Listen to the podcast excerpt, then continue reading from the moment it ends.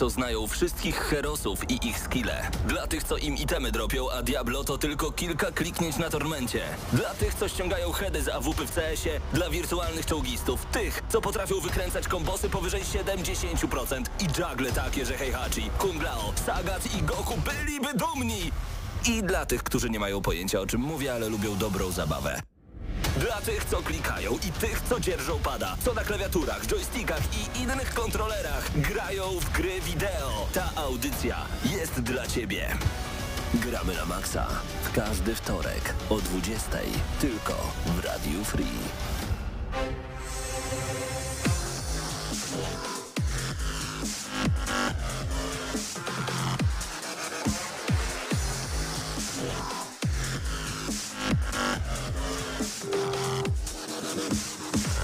I minęła godzina 20 w Radiu Free, czas więc na audycję Gram na Maxa. Przed, mitro, przed mikrofonem Mateusz Widut, razem ze mną w studiu są... Anika Majecka. Paweł Stachyra. Tak, i realizuje nas y, Bartek Matla. E, dzisiaj audycja e, obfita w zawartość, bo i będziemy mieć gości. E, będziemy mówić o Digital Dragons, a jakże, iż będzie też i recenzja e, Horizon Call of the Mountain. Szkoda, że nie przetłumaczę. Mountain? Dziękuję z góry. Czyli dlatego, czyli dlatego nie grasz w Zeldę? E, Nie, bo mam VR-a, więc gram w gry VR-owe, póki Masz mam Switcha. VR-a. No mam Switcha, ale nie mam Zeldy, więc jakby naturalne rzeczy się tutaj e, dzieją. E, ale A pierwszy byłeś do komentowania ocen Zeldy na Twitterze, kolego. oj, ja lubię się tam, jak to mówią, potrolować troszeczkę. E, rozumiem zachwyty, e, ale też nie rozumiem części. E, ale wydaje mi się, że to jest dyskusja na trochę inne miejsce, które Może trochę... na... już zajawiliśmy, bo przed audycją klasycznie nagrywaliśmy podcast GNM+, e, i tam właśnie pytanie odcinka trochę zeldowe, bo zapytaliśmy się naszych drogich słuchaczy, czy rzeczywiście gra, która ma bardzo duży budżet marketingowy, gra, która w teorii jest grą dekady, gra, która no, jest bardzo popularna, zagrywają się prawie wszyscy teraz, którzy mają Switcha, e, czy rzeczywiście taka gra nie powinna mieć języka polskiego, tak? No bo wydaje się, że wystawiając grze 10 na 10, e, Ale dziwnie to, strasznie to pytanie e, Ale za, to nie zamordowałeś teraz, próbując je Nie, nie, nie. Tu, tłumaczę po prostu, że tyle dobrych ocen, tyle piania pozytywnego wokół tej gry, e, ale czy rzeczywiście przez takie rzeczy można e, na przykład taką ocenę gry obniżyć? Czy Tak, czy brak to... lokalizacji wpływa na waszą ocenę i w jakim stopniu i czy zależy to troszeczkę od kontekstu, na przykład od tego, czy mamy wielki tytuł, właśnie tak jak wspomniałeś, e, czy, czy powiedzmy bardziej indy, czy e, no i liczymy, że nasi słuchacze dużo, dadzą nam dużo inspiracji, bo za tydzień na Plusie sobie porozmawiamy e, już we trójkę w pełnym składzie na pewno. Miejmy Na nadzieję, pewno. że Zdanowicz E, wróci, ale, tak, ale zanim e, to... O Zeldzie i o, tym, o tej Ani- całej kontrowersji wokół, Aniki nie wokół będzie e, na naszym plusie, pewnie. Nie, a nie będzie mnie. E, Ale możesz się wypowiedzieć, czy faktycznie dla ciebie też gra, która nie ma polskiej wersji językowej zasługuje rzeczywiście na 10 na 10, jakkolwiek byłaby niewyśmienita. Wiesz co, chyba najbardziej e, to będzie zależeć od tego, jaki gra ma target, no bo jeśli jest to gra, która e, może być też przeznaczona dla młodszych odbiorców, e, czy dla, e, czy powiedzmy gry e, familijne bez polskiej lokalizacji, to może być rzeczywiście problematyczne, natomiast jeśli ja sięgam po grę, no to prze, przepraszam, już w którymś momencie ten angielski wchodzi jako mój taki drugi użytkowy język, więc no, dla mnie by nie zaważył w ogóle. Okej, no dobra. I to jest bardzo dobra w tym wypadku opinia, w sensie... e, Tak, ale nie. Tak, ale nie, tak. Właśnie świetnie się jakby To usunęłaś, usunęłaś się z To tej, tej zależy, dyskusji. czy ktoś zna na przykład taki język angielski, tak? W stopniu nie tyle komunikatywnym, ale takim, który daje też taki pewien komfort tego, że nie zastanawiasz się, Ale nie? wiesz stary, bo są gry, które aktywnie są krzywdzane przez twoje tłumaczenia. Już pomijam e, słynne tłumaczenia e, paradoksu i tych ich strategii z mapkami, bo generalnie krzywdzisz się odpalając takie te, te rzeczy po polsku. Również dlatego, że e, większość materiałów, które są gdzieś tam w sieci, żebyś się mógł poduczyć troszeczkę grania w to. E, s, y, większość z tych materiałów y, jest dostosowana do języka angielskiego, niezależnie od tego, czy to polscy twórcy, czy, czy zagraniczni. Natomiast y, no też są takie gry jak, nie wiem, Elden Ring, gdzie, czy, czy generalnie Soulsy, gdzie e, tracisz bardzo dużo z tego przekazu oryginalnego, tak? Już angielskie tłumaczenie ma jakieś tam swoje problemy. E, w przypadku Elden Ringa dosłownie jedno zakończenie e, fabularnie miało zupełnie inne znaczenie w tym tłumaczeniu niż, niż w oryginalnej jakby intencji twórców. E, a polski, no to tak jakby masz drugie przemielenie tego samego, więc jeszcze więcej tych błędów, dziwnych e, e, tłumaczeń, problemów. Przy czym, no właśnie, tutaj my to mówimy jako, jako odbiorcy, którzy z tym angielskim powiedzmy większego problemu nie mają i na spokojnie sobie mogą w tym języku grać, a na pewno na naszym rynku jest bardzo dużo osób, które tego luksusu nie mają i w takim wypadku, szczególnie właśnie tak jak Anika wspomniała w, w przypadku gry e, takiej jak Zelda, tak? gdzie to jest to absolutnie target jest od góry do dołu, tak? E, nawet jeżeli większość opinii, które widziałem jest od brodatych facetów pod 30. I to jest, e, no to jest na pewno dla mnie osobiście jest jakiś problem przy, przy tym, żeby myśleć o tej grze jako w Polsce przynajmniej takie porządne 10 na 10. Ja, żeby zakończyć tą dyskusję, a zarazem trochę e, dać do myślenia, a co w przypadku, kiedy taki Wiedźmin 3 wychodząc na świecie miał tylko polską wersję językową? To nikt by go nie kupił. Nie, ale na przykład tylko napisy, nie? Bez dubbingu. Pytanie, czy to, czy ta gra by się tak dobrze sprzedała mimo Oczywi- wszystko? Oczywiście, że nie, ale to jakby No. to jest dziwny, dziwny przykład strasznie, bo to wiesz, to musiałby być jakiś e, już tytuł, który wiesz, e, cała kampania e, reklamowa Okej. pod to wiesz, o patrzcie jaki to jest Ale folklor. z drugiej Gadają w strony tej grze po polsku. y, jakby po polsku zyskujesz trochę smaczków i tego wszystkiego, jakby rozumiesz w kontekście kulturowym, gdzie się urodziłeś, Tak, a tłumacząc to, nawet jak się bardzo postarasz, to zawsze trochę tego tracisz, ewentualnie musisz poszukać czegoś podobnego Pytanie w jaka... tym języku, Aha. żeby to było jakby odpowiednią wartość miała na przykład dana rozmowa, czy też dana rzecz, którą znajdujesz w Tak, grze. pytanie w jakim języku była pisana cała gra, no bo, e, znaczy cała, no właśnie cała nie była prawdopodobnie podejrzewam w jednym języku pisana. Mieliśmy w zespole sporo osób, które są, e, jeżeli popatrzymy sobie na, na ten zespół, który tworzył Wiedźmina, no to są tam osoby, które raczej polskojęzyczne nie są. Więc moje podejrzenie jest takie, że ten, ta gra, a także na, później Cyberpunk szczególnie, nie? Ale, ale ta gra powstawała e, troszkę po polsku, troszkę po angielsku, wiesz, troszkę tam tego takiego i generalnie z dwóch stron ten argument działa, jakby nie było. I też, i też wiesz, do, dobre tłumaczenia growe e, trzymają e, ton, a nie koniecznie bezpośrednio kontekst i wiesz, i tłumaczenie. To znaczy, e, wiadomo, po co tłumaczyć żart, który jest y, tylko w jednym języku, tak, na, na, na kolejny gdzieś tam, żeby to y, wyszedł z tego jakiś niezrozumiały dialog. Zamiast tego bierze się jakiś żart, który ma podobne znaczenie, właśnie w podobnym tonie się e, go używa i, i, wrzuca się go do takiego tłumaczonka. Więc no, jakby, no nie wiem, nie wiem jak ten, ten przykład bym traktował. No tak, taka, taka bardzo mocno e, fantastyka, żeby wydawać e, dużą AAA za granicą e, po polsku, chociaż słyszałem o takich sytuacjach, że ludzie sobie grali, tak jak wiesz, jak w Asasyna dwójkę się grało po włosku.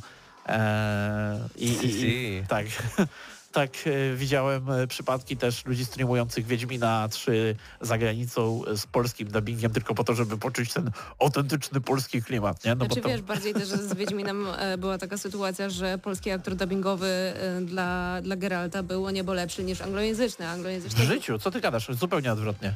Nie, zgadzam się. Nie, tylko...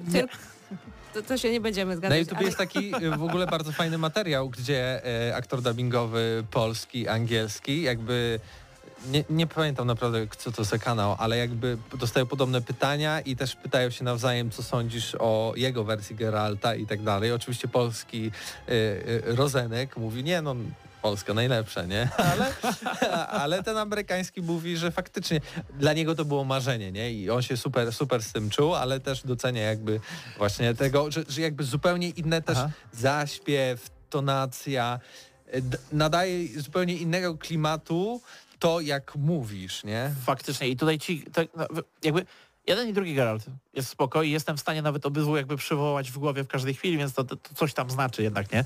Ale taki, do, jak domyślnie, kiedy myślę o tym, jak mówi Geralt, to słyszę język angielski. Y, Głównie dlatego, że w, CD, y, w tych grach CDP poza no, i w Wiedźmie 3 i w Cyberpunku y, jest coś takiego, że faktycznie, no jeżeli chodzi o głównych bohaterów, to zawsze jest ta, to przeciąganie liny, kto jest lepszy i tak dalej, ale postaci poboczne, szczególnie żeńskie, są znacznie lepiej e, nagrywane po angielsku i po prostu generalny dubbing, ten angielski stoi na trochę wyższym poziomie, jak dla mnie w przypadku Wiedźmina i w przypadku Cyberpunka.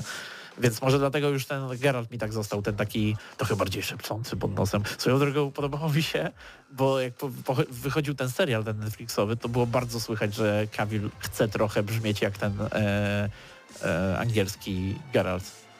No łatwiej mu było do tego równać, nie? Tak naprawdę. Dobrze, kończmy, kończmy tą dyskusję. E, Ja wszystkich zapraszam zarazem na e, naszego YouTube'a, tam też jesteśmy po prostu live, e, również z wizją. I widzę, że na czacie jest Denil Doniu, Piotrek89, Diksiewicz, Mikron.pl, Absertos Medea, Dawid, Blejme, Geromi, Król Sucharów, Alberto, e, tak więc całkiem e, spora ekipa się zebrała. Zapraszamy wszystkich do udzielania się. Wy też się wypowiedzcie na ten temat, o którym przed chwilą rozmawialiśmy. Anika, w co ostatnio grałaś? O Jezu, to nie, Abstrahując od Digital Dragons. Tutaj męczysz mnie tym samym pytaniem, od kiedy byłam twoją studentką i za każdym razem co tydzień odpowiadam ci mniej więcej to samo, e, ale w ostatnim czasie e, to, mo, to może zacznę już odnośnie Digital Dragons. Czy jednak? Bo- Przechodzimy. tak. Dobra. A to czekajcie. Bo Ja, ja, co... Czyli nie grałaś od tego czasu? Nie, właściwie nie, wiesz, troszkę mało mnie w domu było. cze- czekajcie, ja, ja zmienię sobie tylko podkład. Co, co ty plusa nagrywasz, że Tak, chcesz, pop- e, pop- że siedzisz cały tydzień i nic nie grasz, a potem przychodzisz zdziwiony? Czekaj! Gramy Ostrzegaj. No i teraz możemy za- zacząć. Tekken Uuu. piątka. Dalej w naszych głośnikach. Dobrze. Digital Dragons 2023. Byliśmy. Byliśmy na różnych Byliśmy. prelekcjach, graliśmy w różne gry, e, e, socjalizowaliśmy się, networkingowaliśmy się. E, A potem mnie zostawiliście te, na końcówkę ostatniego. też. E, ja w sumie sporo mówiłem e, tydzień temu, bo e, dzięki chłopakom z Glory Victis, którzy zaraz w ogóle też dołączą do naszej audycji i opowiedzą trochę o ich wrażeniach, o ich nominacji gry i też o tym, co, co planują dalej robić w swoim studiu, czy wspierać dalej Glorię, czy może jakieś nowe projekty, ale o tym za chwilę. Ale tak czy inaczej tydzień temu sporo mówiłem, tak więc bardziej przekażę Wam e, antenę, żebyście powiedzieli, powiedziały, e, Powiedzieli. powiedzieli. Jak, jak wasze wrażenia? Dla mnie to był pierwszy, pierwszy Digital Dragons, więc wszystko było nowością. Dla was nie, więc możecie porównać do poprzednich edycji. Anika? No generalnie moje, moje drugie Digital Dragons i zdecydowanie e, lepsze wrażenia w tym roku pod względem organizacyjnym. E, też miałam zresztą e, możliwość posiedzenia na większej ilości prelekcji i to prawda generalnie mijaliśmy się, jeśli chodzi o to, na co, na co przychodziliśmy, żeby słuchać, a na co przychodziliśmy na dół, żeby pograć, przetestować gry, które brały udział w konkursie Indie Showcase czyli gierki tworzone przez e, małe zespoły, e, zarówno polskojęzyczne, jak i zagraniczne, e, które można było przetestować, pochodzić sobie od stoiska do, do stoiska. Ich było ze 30, 40, No sporo, sporo. du- dużo w każdym razie tego było. E, I co mi zapadło e, w pamięć, jeśli chodzi o gierki właśnie z Indie Showcase, e, to była gra, która się nazywała Wet Bread. I generalnie popylasz tam takim małym sucharkiem, e, którego, który żyje sobie w e, takim e, supermarkecie, trochę wygląda jakbyś e, wszedł w temat sausage party, e, popylasz sobie e, po półkach z produktami spożywczymi. E, i generalnie celem e, gry jest odzyskanie e, swojej rodziny, która została, znaczy tego, co zostało z tej rodziny, ponieważ e, jakiś wredny szczur e, część twojej rodziny zjadł, ale część jeszcze żyje i możesz ją odzyskać i generalnie e, skaczesz, bijesz się, możesz, e, możesz się bić jakby e, elementami swojego ciała, możesz je wykorzystywać jako broń, e, masz różne zombofikowane e, inne produkty spożywcze. No i generalnie dla mnie koncepcja po prostu grania mokrym chlebem Wygrała. wygrała, absolutnie. To znaczy, widzisz, tu, tu są jakieś kotki, tu są jakieś, e, wiesz, pixel arty, a potem nagle widzisz, o, suchar. Bardzo Ale się- mokry. Ale mokry, Ale mokry. taki to, to trochę nie do końca. Troszkę Ja, ja widziałem z, z boku ten tytuł i bardzo mi się spodobał graficznie w ogóle. Tak, bo- był śliczny. On był zresztą, wydaje mi się, że ręcznie rysowany też. Więc jakby wszystkie te y, graficzki, wszystkie te e, arty są ręcznie rysowane przez zespół. No i z, z, zanimowane. Natomiast jeśli jeszcze chodzi o, o samo Digital Dragons, y, to my, Mateusz, zaczęliśmy w ogóle od jednej wielkiej pomyłki, bo pomyliliśmy, salę na, na, na wykłady, na które mieliśmy iść i e, chcąc iść na jakiś panel marketingowy, wylądowaliśmy na panelu prowadzonym przez, jeśli dobrze pamiętam, Tinę Nawrocki, czyli e, osobę odpowiedzialną za animację w grze Cuphead. E, niesamowicie pozytywna osoba ogromną dawką energii w poniedziałek rano. Tak, o 10 rano. Wydaje mi się, że dobrze, że zbłądziliśmy, bo Tak, finalnie dobrze. y, to był bardzo ciekawy e, temat, y, całkiem ciekawa prelekcja, też pokazanie jak e, wymagający na przykład w pracy właśnie takiego animatora jest przede wszystkim ruch postaci i to jak postacie poruszają się, jaki mają chód, bo tak naprawdę ten chód i to jak one się poruszają w tym świecie dużo więcej mówi o ich charakterze niż to, co one często mówią, czy co one robią, tak? To całe zachowanie pokazuje, czy ktoś jest pewny, nieśmiały, głupkowaty e, i tak dalej, i tak dalej, więc był... Zresztą też nie, niesamowite było, e, kiedy patrzysz na twórcę pewnej animacji, pewnego stylu graficznego e, i widzisz, że ta osoba e, poświęca się w pe pewnym, e, w pełnym stopniu swojej twórczości. To jest po prostu konsekwentne, że wiesz, dlaczego ta, ta osoba tworzy takie, a nie inne animacje.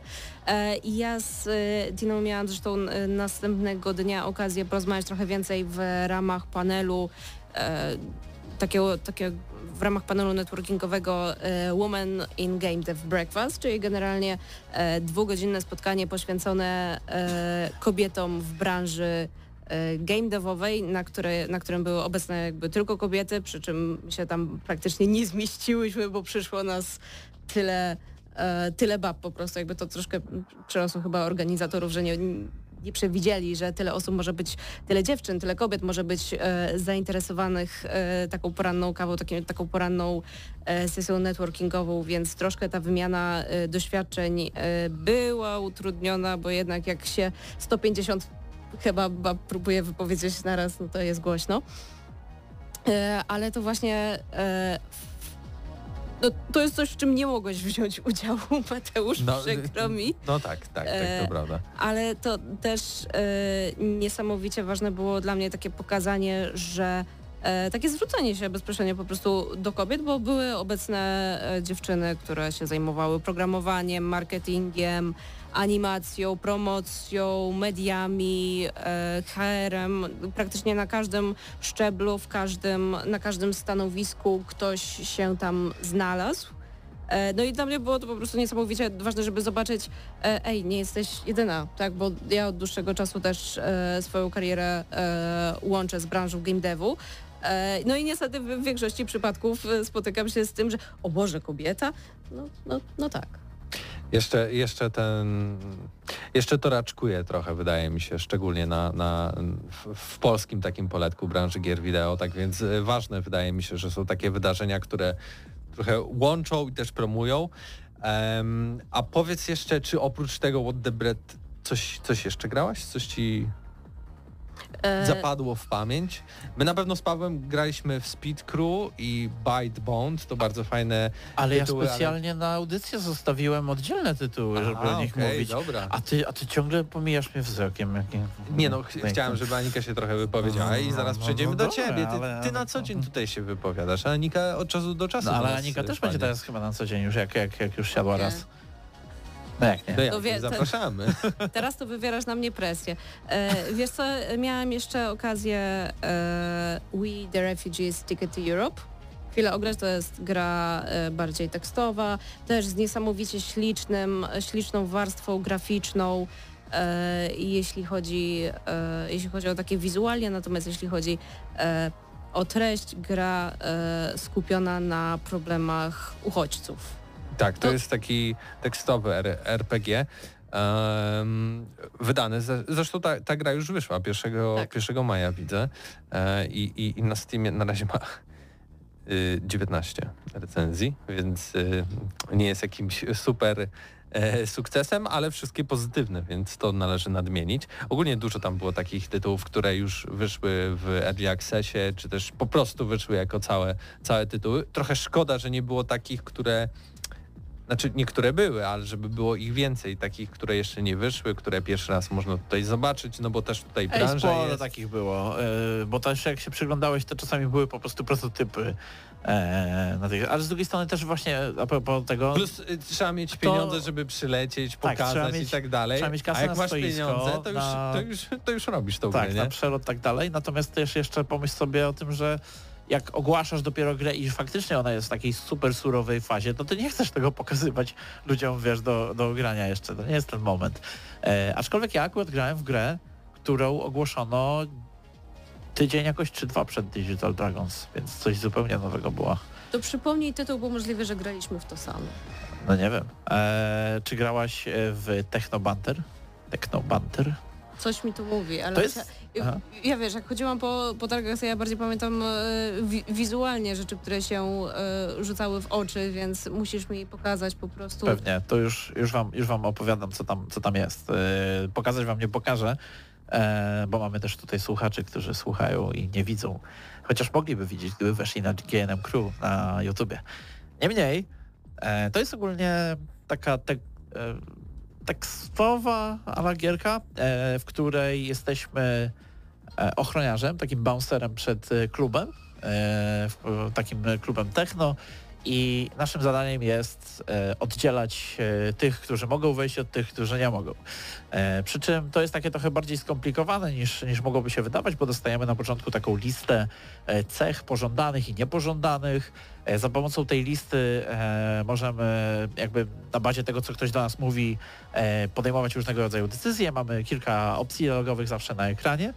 E, Dodatkowo możemy wykorzystywać umiejętności, bo to jest taki, ma elementy RPGowe, tak? Rozwijamy sobie umiejętności takie jak spostrzegawczość, dzięki temu możemy dostrzec pewne rzeczy w, e, w danej postaci i gdzieś tam się dowiedzieć czegoś więcej o, o, o osobie, z którą rozmawiamy, E, ale też jeżeli na przykład chcemy kogoś wygonić, to nie jest tak, że hej, ty nie wchodzisz, tylko wtedy zaczyna się bitwa. Bitwa na wrzuty. Bo jak sama nazwa wskazuje, Techno Banter jest też o takim banterowaniu i W tym momencie, w tym momencie musimy odpowiednio dobierać e, obelgi, e, tak żeby e, nie zostać samemu zawstydzonym i nie wpuścić tej osoby do środka, tylko żeby tam odpowiednio to wszystko ułożyć. Jak E. stwierdzisz, czy jak stwierdzisz, że no sorry, ale ty nie wchodzisz i potem przegrasz tę bitwę, to ten To, ten, to on wchodzi? jednak wchodzi, tak? e, bo ty, I ty jeszcze jesteś tam upokorzony dosyć, dosyć mocno. Niemniej to jest ogólnie e, taki trochę wierzchołek góry lodowej, bo widać, że twórcy mają ambicje, żeby to było trochę takie e, szersze i zabawne gdzieś tam dookoła, bo, bo ostatecznie gdzieś tam coś wspominali o tym uratowaniu miasta przed wybuchem, więc zobaczymy, jak to dalej się rozwija. E, niemniej e, to jest w ogóle, e, gra jest mocno inspirowana takim życiem klubowym w Berlinie, zresztą tam była e, taka jakby nie premiera, tylko e, tam ogłoszono, że ta gra jest w produkcji podczas jakiegoś wydarzenia właśnie całkiem niedawno. I e, jakby tutaj doświadczenie swoje e, przelewają na, na grę właśnie doświadczeni tacy e, technoklubowicze, którzy, którzy widać, że, że lata e, bardzo ciężkiej i odpowiedzialnej zabawy mają za sobą. E, samo, samo demo nie jest jakieś takie super e, dobre, bo powiem wam, że to demo to jest jedno z tych, które e, ktoś po prostu wyciął w początek gry, nie? I trochę pacing siada, nie? Natomiast rozmawiałem z twórcami i z ręką na sercu przyrzy, przyrzekli mi, że na e, następny Steam Fest, kiedy pojawi się takie demo publiczne, będzie, będzie już nowe właśnie, nowa wersja demonstracyjna, która będzie złożona specjalnie pod to, żeby fajnie się w nią grało i żeby można było zobaczyć wszystkie elementy rozgrywki, bo tutaj w ogóle poza tymi bitwami i poza tym wpuszczaniem ludzi, no to mamy całe nasze życie, jakby cała ulica jest jedna otwarta i mamy swoje mieszkanie, rozwijamy siebie, rozwijamy sobie właśnie to, ten apartament, gdzieś tam e, spotykamy NPC-ów takich, a, a takich gdzieś tam e, sam, sam styl graficzny w ogóle mi się podoba, bo miasto przypomina mi troszeczkę, jest, miasto jest trójwymiarowe, a postaci są sprite'ami.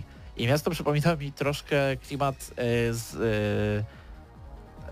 Vampire the Masquerade Bloodlines z tego miasta, z tych pierwszych ulic, które widzieliśmy, jak wychodziliśmy z naszego tam apartamentu. I twórcy powiedzieli, że faktycznie to jest troszkę celowe e, nawiązanie, natomiast e, postaci, te sprite'y wyglądają jak Fashion Police Squad, który kiedyś już tutaj e, polecałem po, po właśnie Steamfestie, także Technobanter jak najbardziej czekam, a jeżeli chcecie wiedzieć co jeszcze fajnego i wartego grania było na tym Digital Dragons, To jutro GNM+. to Plus. jutro GNM Plus, tak i tam opowiedzieliśmy też o kolejnych giereczkach. Na, na koniec krótkie pytanie. Czy wam się podobało? Czy pojedziecie za rok? I w sumie dla kogo to jest oczywiste, ale powiedzcie, dla kogo to jest event? No to tak, ja w porównaniu z zeszłym rokiem na pewno bardziej mi się podobało, bo w zeszłym roku było tylko jedno Nie było mnie. było tylko jedno stoisko z grami i było lepsze jedzenie, bo miałem u siebie w domu, oglądałem, bo było online. Czy tam dwa lata, już nie pamiętam. W Dwa każdym lata temu było online, Tak. bo w zeszłym roku było, dwa lata temu, faktycznie. E, Teraz też było częściowo online. Bo E, No wiadomo, że tam dostęp jakiś zostaje, nie? Natomiast y, na żywo takie wydarzenia są dużo ciekawsze, ale jednak bym powiedział, że Digital Dragons w dużej mierze to jest takie wydarzenie nie dla powiedzmy graczy, tylko bardziej dla e, biznesu, tak? I ci e, wystawcy, e, osoby, które pokazują tam swoje gierki, raczej robią to nie po to, żeby spodobało się to jakimś przechodniom, tylko po to, żeby e, zachęcić tutaj wydawcę jednego czy drugiego do je wydania ich gry. tak. Tak.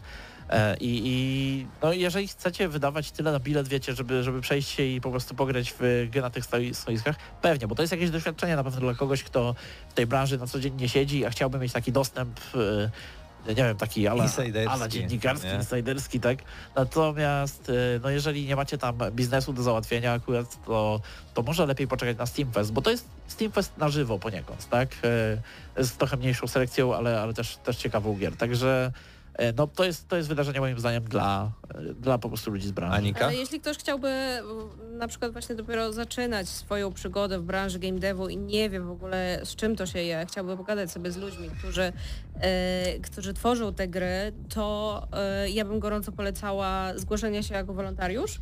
E, ponieważ e, poza jakby robotą, którą wiadomo no, trzeba zrobić przy pomocy przy organizacji jako wolontariusz, to taka osoba ma wstęp e, na praktycznie całe wydarzenie, w tym dostęp do stoisk, na których ci więksi wydawcy, czyli sponsorzy się wystawiają razem z ofertami pracy. Jest to okazja, żeby pokazać swoje portfolio, jest to okazja, żeby pogadać, zapytać czego szukacie, czy szukacie kogoś, kto dopiero zaczyna, czy szukacie kogoś, kto już będzie mieć e, swoje portfolio, e, czy właśnie, żeby zobaczyć e, jak, e, jeśli chcecie e, robić swoje gry, e, podejść do takich wystawców e, z e, Indie Showcase, e, zapytać się właśnie, jak wygląda e, proces tworzenia tej gry, jak było ciężko, czy dla mnie najciekawszym e, było e, pytanie, które starałam się praktycznie każdemu, e, do którego podeszłam do stoiska, e, zapytać, e, kiedy przedstawiali mi swój pomysł na grę, jakby dlaczego, dlaczego akurat to, dlaczego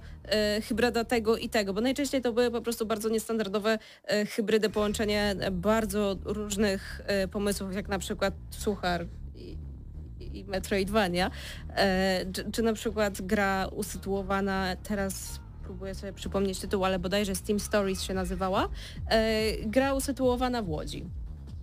Steampunkowej, ale, ale w Łodzi. I, Ale dobra, musisz, musisz doprecyzować. Jesteśmy na wodzie czy w środku Polski? Nie, w środku Polski. Nie, no, no w Łodzi, w Łodzi. W- Wiesz, tak podchodzę i pytam się, czy, czym jest twoja gra? No jest w sumie usytuowana w Łodzi. I jaki proces myślowy musi, musi dojść do tego, żeby stwierdzić, że tak, chcę moją grę e, usytuować, osadzić w Łodzi. To jest taki gimmick, jakby nie każda gra jest w Łodzi, więc sobie może wystarczy tyle, żeby ją sprzedać, nie? Niby tak, ale no właśnie jakby mnie, mnie bardzo ciekawiło po prostu to, w jaki sposób ludzie dochodzą do swoich pomysłów, tak? Także, także to był jeszcze e, niesamowicie, niesamowicie fajny aspekt tego wydarzenia. Także jeśli chcecie e, myśleć o swojej karierze, myśleć o swojej przyszłości w branży game devowej, to jak najbardziej polecam. Ja potwierdzam wasze, wasze opinie. Tak, jeśli ktoś zaczyna w branży, zdecydowanie warto wybrać się na Digital Dragons i nawet posłuchać tych wszystkich prelekcji, które może nie są dla osób w temacie konkretnym jakimiś specami, ale jak ktoś zaczyna, to dużo fajnego może też z nich e, wyciągnąć. E, tak więc kończymy ten segment. E, nasi goście już czekają, tak więc zapraszam ich do studia, a w międzyczasie e, trochę muzyki e, z Uncharted chyba, mam nadzieję, tak jest to opisane. Zobaczymy.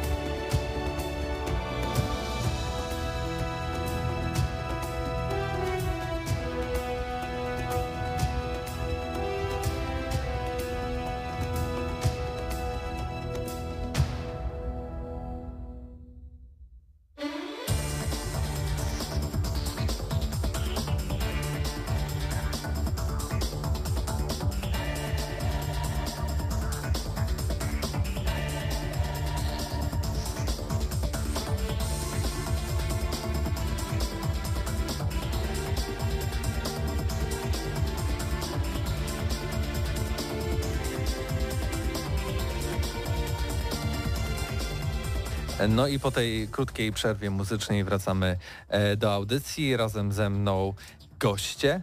Jest jak zawsze też psuję sobie krzesło, jak na nim siedzę, ale goście są ym, z Black Eyed Games, tutaj z Lublina, więc daleko nie mieli, żeby do nas y, podjechać y, do radia. Jest Jan Grochowski, szef studia. Proszę, Cześć, przywitaj się. Witam, witam serdecznie. Można sobie O, poprawić trochę mikrofon. E, jest też y, Bartek Idzikowski, dyrektor kreatywny Black Eyed Games. Cześć, cześć. Super, słychać Was.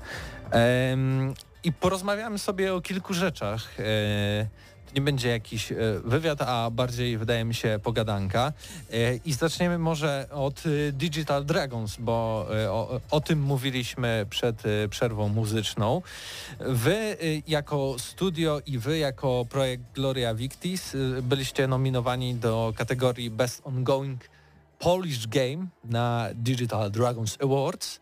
Brzmi to bardzo poważnie i bardzo poważna konkurencja była tam, bo y, obok y, waszej gry też i takie tuzy jak Cyberpunk 2077, Dying Light 2, e, The Wolf e, Online RPG Simulator e, czy od Flying White Hawk e, Space e, Punks i powiedzcie, czy, czy byliście zaskoczeni w ogóle nowi- nominacją? W sumie to też trochę dziwne było, bo e, co jakiś czas Digital Dragons pojawia się kategoria, której wcześniej nie było i trochę ja, mam takie małe dziennikarskie śledztwo, czy przypadkiem to nie jest po to, żeby wygrała odpowiednia firma lub odpowiedni projekt, dlatego że jest sponsorem. Nie dokończę tutaj tej, tej myśli, ale możecie sobie na pewno e, sprawdzić, kto jest sponsorem i jakie, jakie gry wygrywały w różnych kategoriach bo w tej kategorii e, finalnie e, wygrał Cyberpunk 2077, co do dla mnie było trochę zaskoczeniem, bo łatanie gry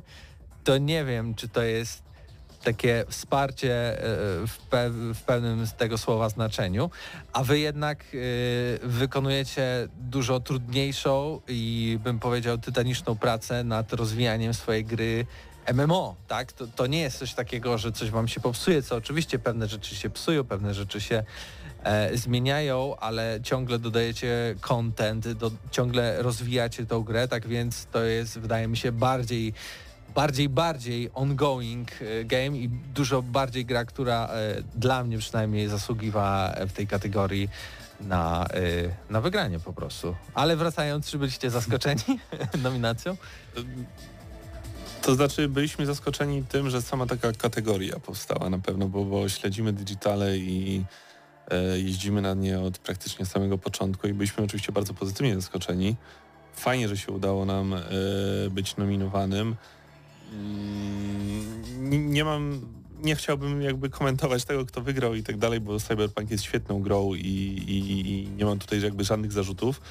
E, Natomiast jakby nieskromnie powiem, że nie zaskoczyło nas samo to, że dostaliśmy nominowani, skoro już taka kategoria powstała, bo, bo, bo jednak e, no, chwalimy się tym, że aktualizujemy naszą grę od wielu lat co tydzień i jest tylko jedna gra, o której wiem, która robi to dłużej, bo nawet nie częściej, jest to Runscape i są oficjalnie wpisani do Księgi Rekordów Guinnessa, bo robią to i, i robią to kilka lat dłużej od nas, więc y, jakby kilka lat nam zabrakło jeszcze, Może- bo, oni, bo oni update'ują od 15 lat, a my od 10. No, Może oni przestaną update'ować, więc jeszcze jest szansa no. na to, żeby trafić do tej księgi e, rekordów Guinnessa. Ty, Bartku, byłeś na miejscu, więc też e, byłeś na gali. Byłem, byłem. Byłeś. I jak dla ciebie wrażenia? I też czy ty, ty byłeś zaskoczony jakby e, ja- jako, jako twórca, jako Glory? Powiem z troszkę innej strony. Polski rynek game, game devowy nie do końca przywykł do projektów tworzonych tak długo jak nasz i nie spodziewamy się szczególnej aprobaty czy nie wiem, poklasku, że gra tak długo jest w produkcji, no bo większość studiów tego nie rozumie. Tak, standardem są gry tworzone 2 do 3 lat. Przy produktach, które trwają w produkcji 5-6, już mówimy o czymś skrajnie długim, gdzie następuje duża rotacja. Więc powiem tak, super, że dostaliśmy nominację, to było bardzo miłe. Serduszko zabiło szybciej, kiedy zobaczyliśmy Glorię na wielkim telebimie. Miło. Ale można, można się było spodziewać, że wygra ktoś duży.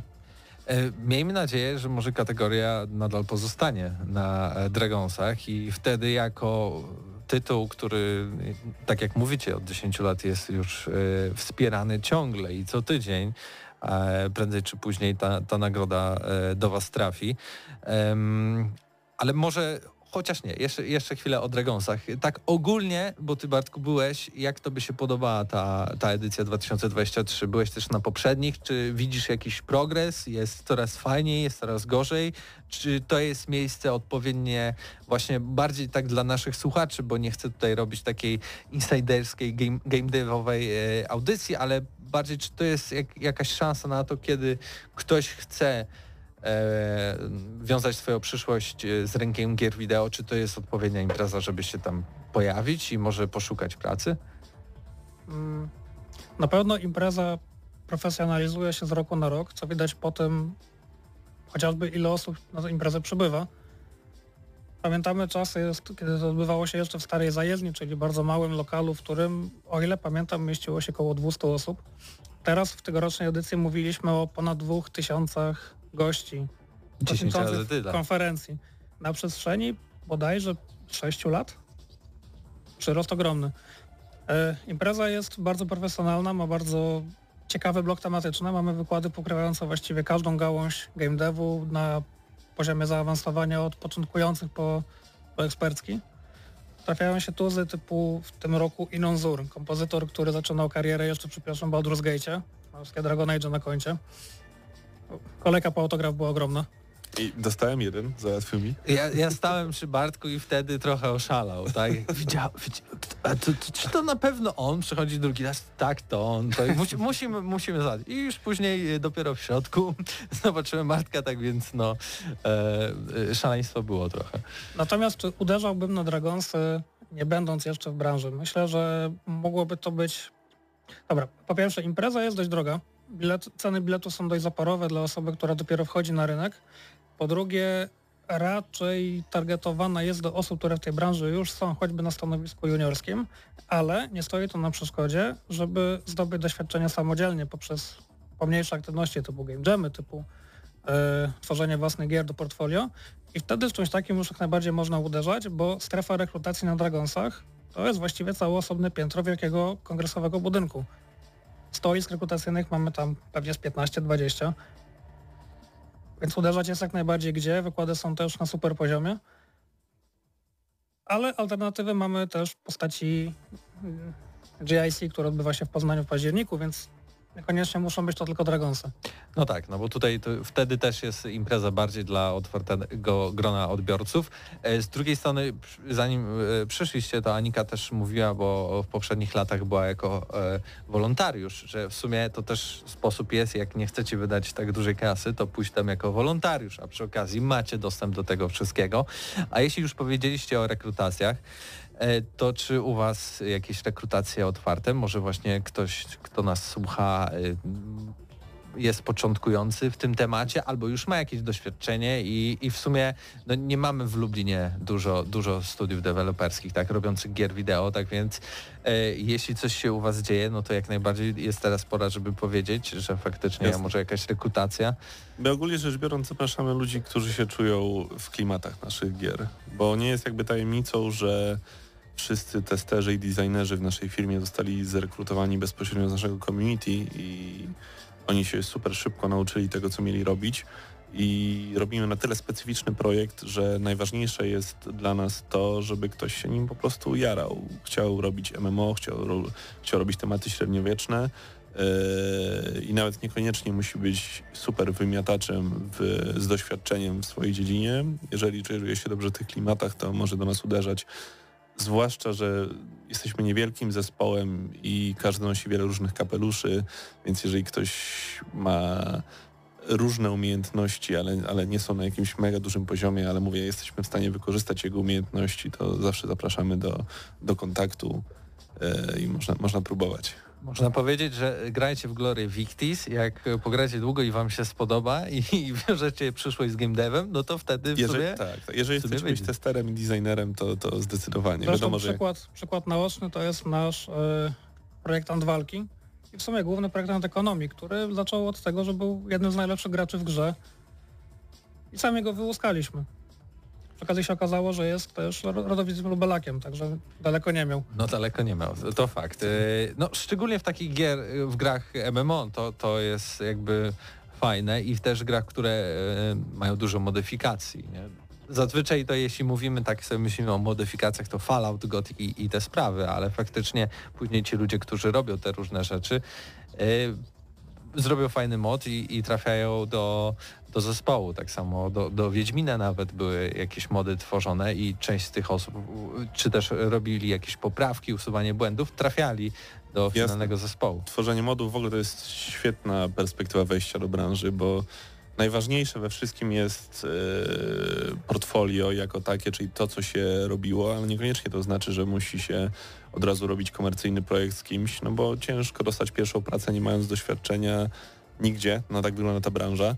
E, A, a tym doświadczeniem może być po prostu robienie moda do jakiejś gry. A no jako Polacy pokazaliśmy już nieraz, że, że potrafimy robić świetne mody i Archolos, mm, no, no to moja właśnie gra 2022 roku zdecydowanie i strasznie się nie ujaram i, i, i, pamiętam, że mieliśmy na naszym mailu rekrutacji kiedyś e, kogoś z, z, z właśnie z Archolos, to jeszcze nie wyszło i, i, i żałuję, że, że tego nie doceniłem wtedy. Czasem, czasem można zaryzykować. Faktycznie jakby ty, poziom tego moda to jest poziom Kosmos. pełnoprawnej gry tak naprawdę. E, Bartek, twoja ulubiona modyfikacja? Powiem tak, e, kalkulator buildów do Glory Victis, który zrobili gracze na Discordzie. O proszę. Własnoręcznie napisany programik i drugi programik, który przeliczał kurs wszystkiego, wszystkich surowców, które mamy w grze, ze wszystkich serwerów na wspólną walutę i wypluwał w- wyjściową bazę danych, która służyła do, do prowadzenia stałego kursu walut. U nas do, do, do Tak, ekonomii. I ten człowiek, który to stworzył, zresztą mówię, mówię teraz o tym drugim, o, o, surowcach, pracuje w tym momencie u nas w zespole. No tak, no, samo przez się, się mówi, a właśnie jak mówimy o rozwoju Glory, to ten rok, choć od 10 lat pracujecie nad grą, to dopiero w tym roku jakby wersja powiedzmy oficjalnie 1.0. Glory 1.0 wyszła e, i, i pytania pytanie moje i, i, i zapewne wielu naszych słuchaczy jest takie, e, co dalej, tak? Na pewno z czego to słyszę, będzie wspierane i przez następnych kilka lat, ale czy tylko skupienie się na tym projekcie, czy może myślicie też o, o jakichś innych grach? No bo też ostatnio Nadir, tak, Mhm. e, od was e, się, się pojawił. U nas Patrykowi, szkoda, że go dzisiaj nie ma, no ale był wprost zachwycony. E, tak więc e, może jakieś nowe projekty? Co, co planujecie na ten Znaczy na, na ten moment na pewno rok? musimy się, myślę, że na ten rok można tak powiedzieć, musimy się skupić w pełni na, na MMO, bo no jak nie teraz, to nigdy, prawda? No teraz mamy najlepszą okazję ku temu, żeby, żeby pchnąć ten projekt najbardziej do przodu jak się da, będąc po tej premierze, mając te świeże serwery, mamy dużo nowych możliwości po prostu i nad tym cały czas pracujemy. No natomiast na pewno myśląc jakoś tam przyszłości, już tak mówiąc po prostu biznesowo, no to, no to jakaś tam dywersyfikacja projektów, nawet czy, czy ze względu na, na potencjalne przychody w przyszłości, czy ze względu na to, że część z nas pracuje nad nim przez 10 lat, czy, czy, czy na to, jak trudno jest zrekrutować ludzi w niektórych działkach, na przykład programistycznych, bezpośrednio do MMO, bo to jest bardzo specyficzna branża, no pewnie zaczniemy jakiś kolejny projekt w następnym roku. Ja jestem bardzo dumny z Siege Survival Gloria Victis, które wyszło dwa, Dwa lata temu. dwa lata temu, już nie wiedziałem czy dwa czy trzy i mam nadzieję, że jeszcze w życiu przyjdzie mi pracować nad drugą częścią tej gry. E, No ale zobaczymy. Ba, ba, w sensie branża game devu jest bardzo, bardzo zmienna, tak? W sensie zmieniają się trendy, mm, więc zobaczymy, co, co, co będzie sensowne wtedy.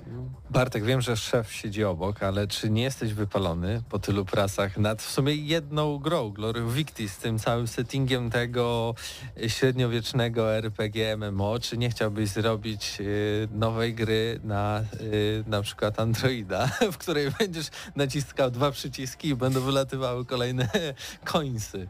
Poruszyłeś sporo tematów. Jakoś to pozbierajmy. Po, po, po pierwsze tak, za tydzień albo dwa mija mi równo 10 lat w tej firmie, co oznacza chyba, że będę miał szable na ścianę. To taki pakiet motywacyjny. To już będzie chyba czwarta. Każdy, kto, kto 10 lat u nas w firmie przepracuje, dostaje prawdziwą szablę generalską z takim Jako sprawa oficerska. Wow. Słuchaj, druga sprawa jest taka, że to jest projekt no, związany ze średniowieczem, a ja jestem byłem rekonstruktorem okresów grunwaldzkich. Mnie to po prostu jara. Trzecia sprawa, w międzyczasie zdarzyło mi się popełnić Sleep Survival jako project lead i przy okazji scenarzysta. Jestem z tego super dumny, szczególnie ze scenariusza do DLC-ka. Ale to w sumie projekt mimo wszystko trochę w tych samych klimatach, nie? Jakby Jasne. Zostajemy. Yy, ewentualnie no Nadir to tu trochę... Słuchaj, jeśli nie to, to steampunk albo jakieś futurystyczne Okej. shootery, ale Próbuję to po się może nie się wydarzyć. dowiedzieć, czy może już pracujecie nad jakimś projektem, a po prostu nie chcecie powiedzieć i, i powiecie o swoich ulubionych Słuchaj, settingach po- i po- mechanikach. Ja to połączę ci i tak. powiem. Powiem Ci tak, e, mieliśmy różne podejścia koncepcyjne, nie wyszliśmy nigdy poza fazę preprodukcji, no bo no, raz, że MMO, dwa, że mieliśmy jeszcze Nadira na warsztacie. E, pomysły mamy, podzielimy się kiedy będziemy mogli, natomiast raczej nie odejdziemy szczególnie daleko od naszego settingu, no bo po prostu go znamy i czujemy się w tym całkiem komfortowo. E, Inna sprawa, że mamy możliwość jedną, no to, to rzadkość na polskim rynku, tak? Możemy rozwijać własną franczyzę, własne IP, nie podlegając pod kogoś, kto na tym kładzie łapkę i czerpie z tego profity. Mamy coś własnego, możemy sobie to spokojnie eksploatować. I to jest super opcja. Jak najbardziej. Tak już może trochę zmierzając do końca, e, chciałbym się was zapytać e, o to, w co gracie, tak obok, bo mam nadzieję, że gracie obok po prostu grania ciągle w Gloria, ale także jakieś inne, inne gry, może tytuły u was ostatnio. Zawsze, zawsze się pytam tutaj e, właśnie twórców, czy też e, ludzi, którzy przychodzą do nas na jakieś wy, wywiady, pogawędki, właśnie w co, w co ostatnio grają, bo to też no, pokazuje, że to jakby człowiek nie tylko żyje jednym projektem, ale też jakby bierze zainteresowania z innych tytułów też. Jest. Wiesz, Więc- o- ogólnie przed samym wejściem tutaj do studia mieliśmy taką rozmowę na temat e, grania w gry, kiedy robi się gry i doszliśmy chyba wspólnie do wniosku, że trzeba grać w gry, jak się je robi, no bo e, no na tym polega, musimy się cały czas rozwijać i jakby robienie gry jest pasją taką, e, trzeba się tym jarać po prostu, nie? No bo, bo, bo, bo można po prostu pracować w IT, nie robiąc gier i nie mieć wielu stresów, często zarabiać lepiej. No a jak ktoś robi gry, to robi je to z miłości dla gier. Więc gramy w gry jak najbardziej. E, to może jak już ja jestem przy, się dorwałem do mikrofonu, no to e, odkleiłem się od Bannerlorda niedawno i powiem Ci szczerze, że, że jest moment przełomowy w moim życiu, ponieważ kupiłem sobie nowy telewizor i pierwszy raz w życiu wziąłem do ręki pada i od dwóch miesięcy nie grałem na niczym innym niż na padzie i na telewizorze, kiedy przez całe moje... Ty już nie e, wrócisz. e, no, One tak, way tego, to jest. tego się boję, wiesz? I, i przeszedłem świetną grę Ori. E, And Will of the Wisps. And Will of the Wisps, no właśnie. I, I to była chyba moja druga platformówka, którą przeszedłem. Jestem nią absolutnie zachwycony całym tym settingiem, artyzmem tej gry. Jest świetna, bardzo polecam. No i, no i gram w Hogwarts w tym momencie. Hogwarts Legacy, tak? Tak, tak, tak. Nostalgia. Nostalgia do No Pottera. spo, sporo godzin cię tutaj też czeka. To, nie jest krótka gra, z czego to Powiem. Ci, że już byłem prawie przy końcu, tylko mój syn, którego tutaj pozdrawiam, skasował mi save'a i gram od nowa. Zawsze możesz teraz wybrać po prostu inną, inną drużynę, nie? tak, teraz jest Teraz Slytherin. Slytherin. Teraz jest 98 rok, Playka 1. Korzystają twoje savey, tak?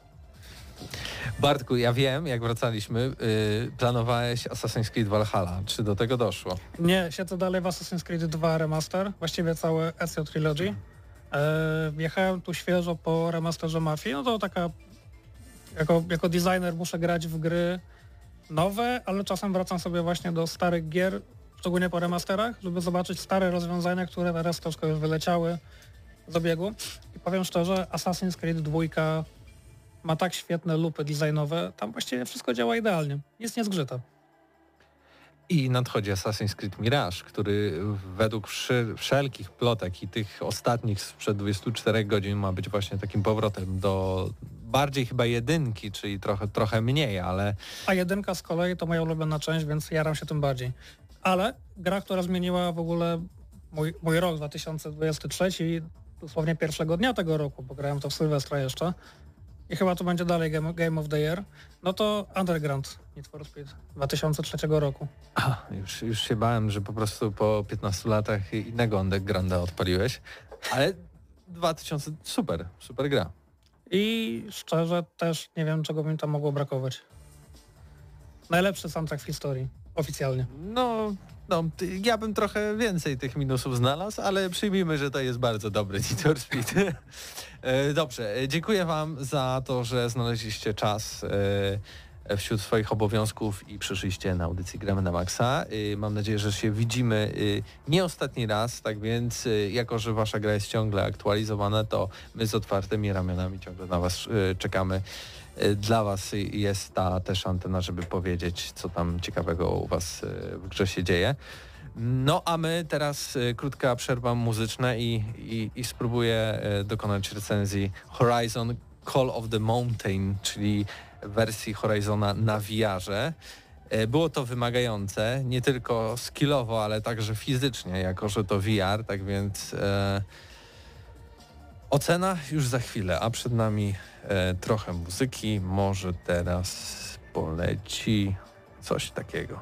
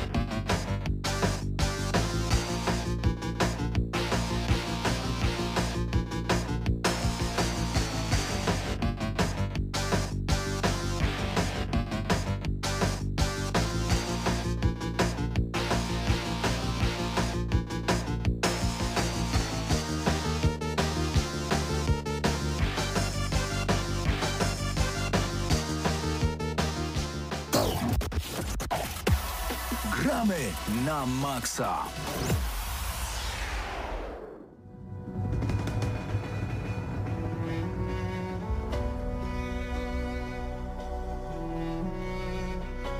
E, w Gram na Maxa czas na recenzję Horizon Call of the Mountain przed mikrofonem Mateusz i Anika.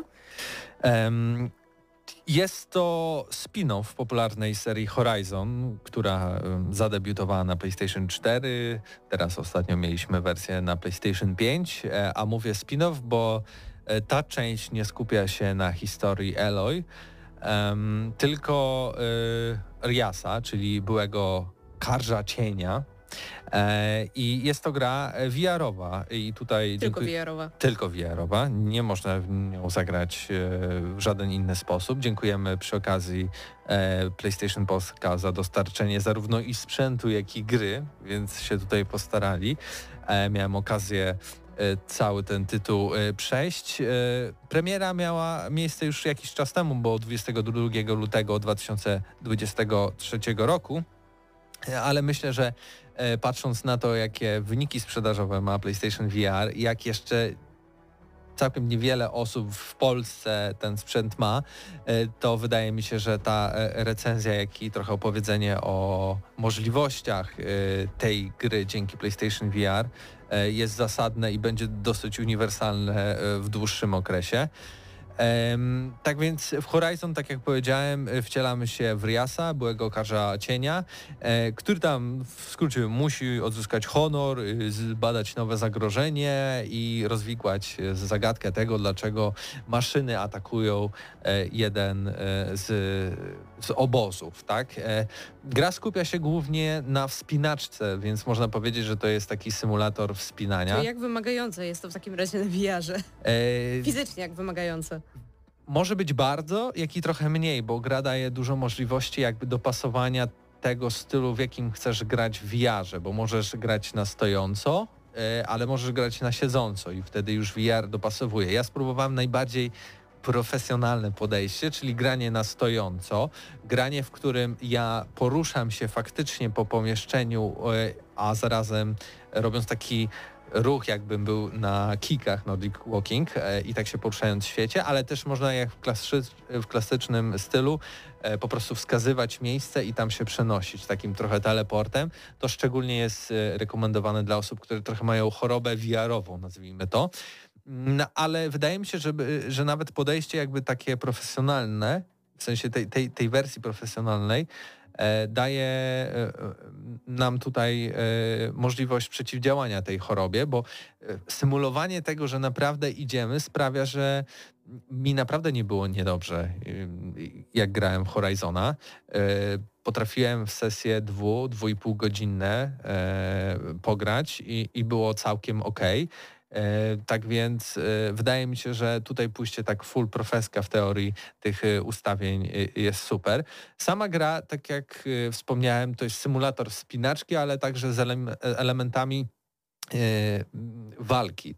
Głównie walka opiera się o to, że mamy albo taką procę, to ją później e, w przebiegu gry dopiero odblokowujemy, ale podstawową naszą bronią jest łuk. E, Łuk, z którego strzelamy i faktycznie dzięki tym kontrolerom sens No właśnie, jak, jak mocno czuć w momencie, kiedy naciągasz strzałę? kiedy nie ma jakiegoś wypuszczasz. e, wielkiego oporu, bo jakby to robimy w powietrzu, ale to te, te wibracje na, na tych kontrolerach naprawdę dają nam odczucie tego, że naciągamy tą cięciwę i, i, i tam wkładamy e, ja- jakąś strzałę i gdy wypuszczamy ją, to też mamy odpowiednie wibracje i całość po prostu pozwala nam się totalnie zatopić w tym świecie Horizona i to jest jeden z lepszych elementów tej, tej gry. Oczywiście mamy tutaj e, różnorakie e, możliwości rozwoju tych strzał. Możemy robić na przykład strzały dymne, strzały elektryczne, strzały, które e, mogą na przykład e, podpalić jakiś element e, robota. Nasza rozgrywka, jeśli chodzi o walkę, też głównie opiera się o taką walkę jakby w arenie, w której przesuwamy się w lewo albo w prawo dookoła. I jest ona bardzo wymagająca, szczególnie ostatni bossowie. E, kończąc grę, czyli pokonując ostatniego bossa, gdy ściągnąłem okulary, po prostu lało się ze mnie. Koszulka cała mokra, bolą mnie plecy, bolą mnie, e, bolą mnie nogi. E, I naprawdę to było wymagające i No, spociłem się bardziej niż ostatnio na siłowni, tak więc y, był to konkretny wycisk, tak więc y, to nie tylko, tak jak zaczynałem, to nie tylko jest wymagające, jeśli chodzi o jakiś skill, czy też po prostu bycie w tym VR-owym świecie, ale także jest to wymagająca gra, jeśli chodzi o fizyczność, szczególnie kiedy... Dwa, słuchaj, dwa w jednym, grasz w grę Tak. i zaliczasz trening. czy może być coś lepszego. Em, tak więc y, cała mechanika, w ogóle świat jest mega interaktywny. Możesz podnieść tamburyn i zagrać na nim, możesz podnieść flet i zagrać na nim, bo e, te, ten hełm ma e, w ogóle em, mikrofon i gdy zagwiżdżesz faktycznie y, on odbiera to, że chcesz sobie pograć na tym flecie w grze. Tak więc tego jest naprawdę bardzo, bardzo dużo. Jest też dużo em, mechanik, które ułatwiają nam poruszanie się po świecie, na przykład y, po pewnym czasie zbudujemy swoje czekany i możemy się wspinać po skałach. Mamy też jakieś takie ułatwienia jak rozwijaną rolkę, y, na której możemy zjechać na drugi koniec przepaści. Mm, Ja też mam bardzo duży lęk wysokości, a ta gra opiera się głównie o to, że wisimy gdzieś nad przepaścią i się wspinamy do góry. Czasem było ciekawie, nie powiem, nogi się uginały, ale jest to gra, którą nawet najbardziej hardkorowi bacze wysokości mogą, mogą przejść, więc e, nie jest aż tak źle. Mimo wszystko wiem, że to jest gra, a nie, a nie prawdziwe życie. Em, ale przechodząc może już do samego podsumowania, Call of the Mountain Horizon to jest gra, którą trzeba mieć kupując PlayStation VR 2. Wręcz wydaje mi się, że kupując PlayStation VR 2 lepiej wybrać ten zestaw z tą grą, bo to jest największy tytuł do tej pory, e, nie ma ich niestety dużo e, na PlayStation VR 2. Tytuł, który wykorzystuje praktycznie w 100% wszystkie możliwości techniczne, jakie daje ten sprzęt. E, Jest to duży tytuł, naprawdę od 8 do 10 godzin e, zajmuje. Jest to gra single player, e, pełnej produkcji, widać tutaj duży budżet. Ja się świetnie bawiłem i na taką zachętę bym powiedział, bo nie ma dużo takich gier, a chciałbym, żeby na VR powstawały tylko takie gry. Ja wiem, że są fajne różne minigierki, w których możesz pograć na perkusji, czy też e, jakąś inną wersję Beat Sabera urządzić, czy też pobawić się w gladiatora na jakiejś arenie, ale tutaj faktycznie czujesz to takie for the players, nie? No E, VR jeszcze troszkę raczkuje niestety. Tak, ale to jest bardzo dobry kierunek i tak właśnie na zachętę bym powiedział. Normalnie pewnie bym dał ósemkę, ale tutaj na zachętę Sony proszę, róbcie kolejne gry, używajcie swoich marek. E, chcę, chcę, chcę więcej tego typu produkcji, tak więc 9 na 10 odgramy na maksa. E, I jeszcze raz dziękuję dystrybutorowi, czyli e, PlayStation, Son- Sony PlayStation Polska za dostarczenie zarówno sprzętu, jak i gry do recenzji. To zarazem był też koniec naszej audycji. Trochę przyciągnąłem, ale obiecałem, że dzisiaj będzie recenzja, tak więc jest. E, w dzisiejszej audycji było mnóstwo osób. Każdy się przedstawił, więc ja nie będę powtarzał drugi raz. Widzimy i słyszymy się za tydzień. Na pewno nie jedna recenzja przed nami, jak i nie jedni goście, którzy do nas dołączą. Tak więc e, dzięki za dzisiaj i do zobaczenia i do, Do usłyszenia. usłyszenia. Cześć!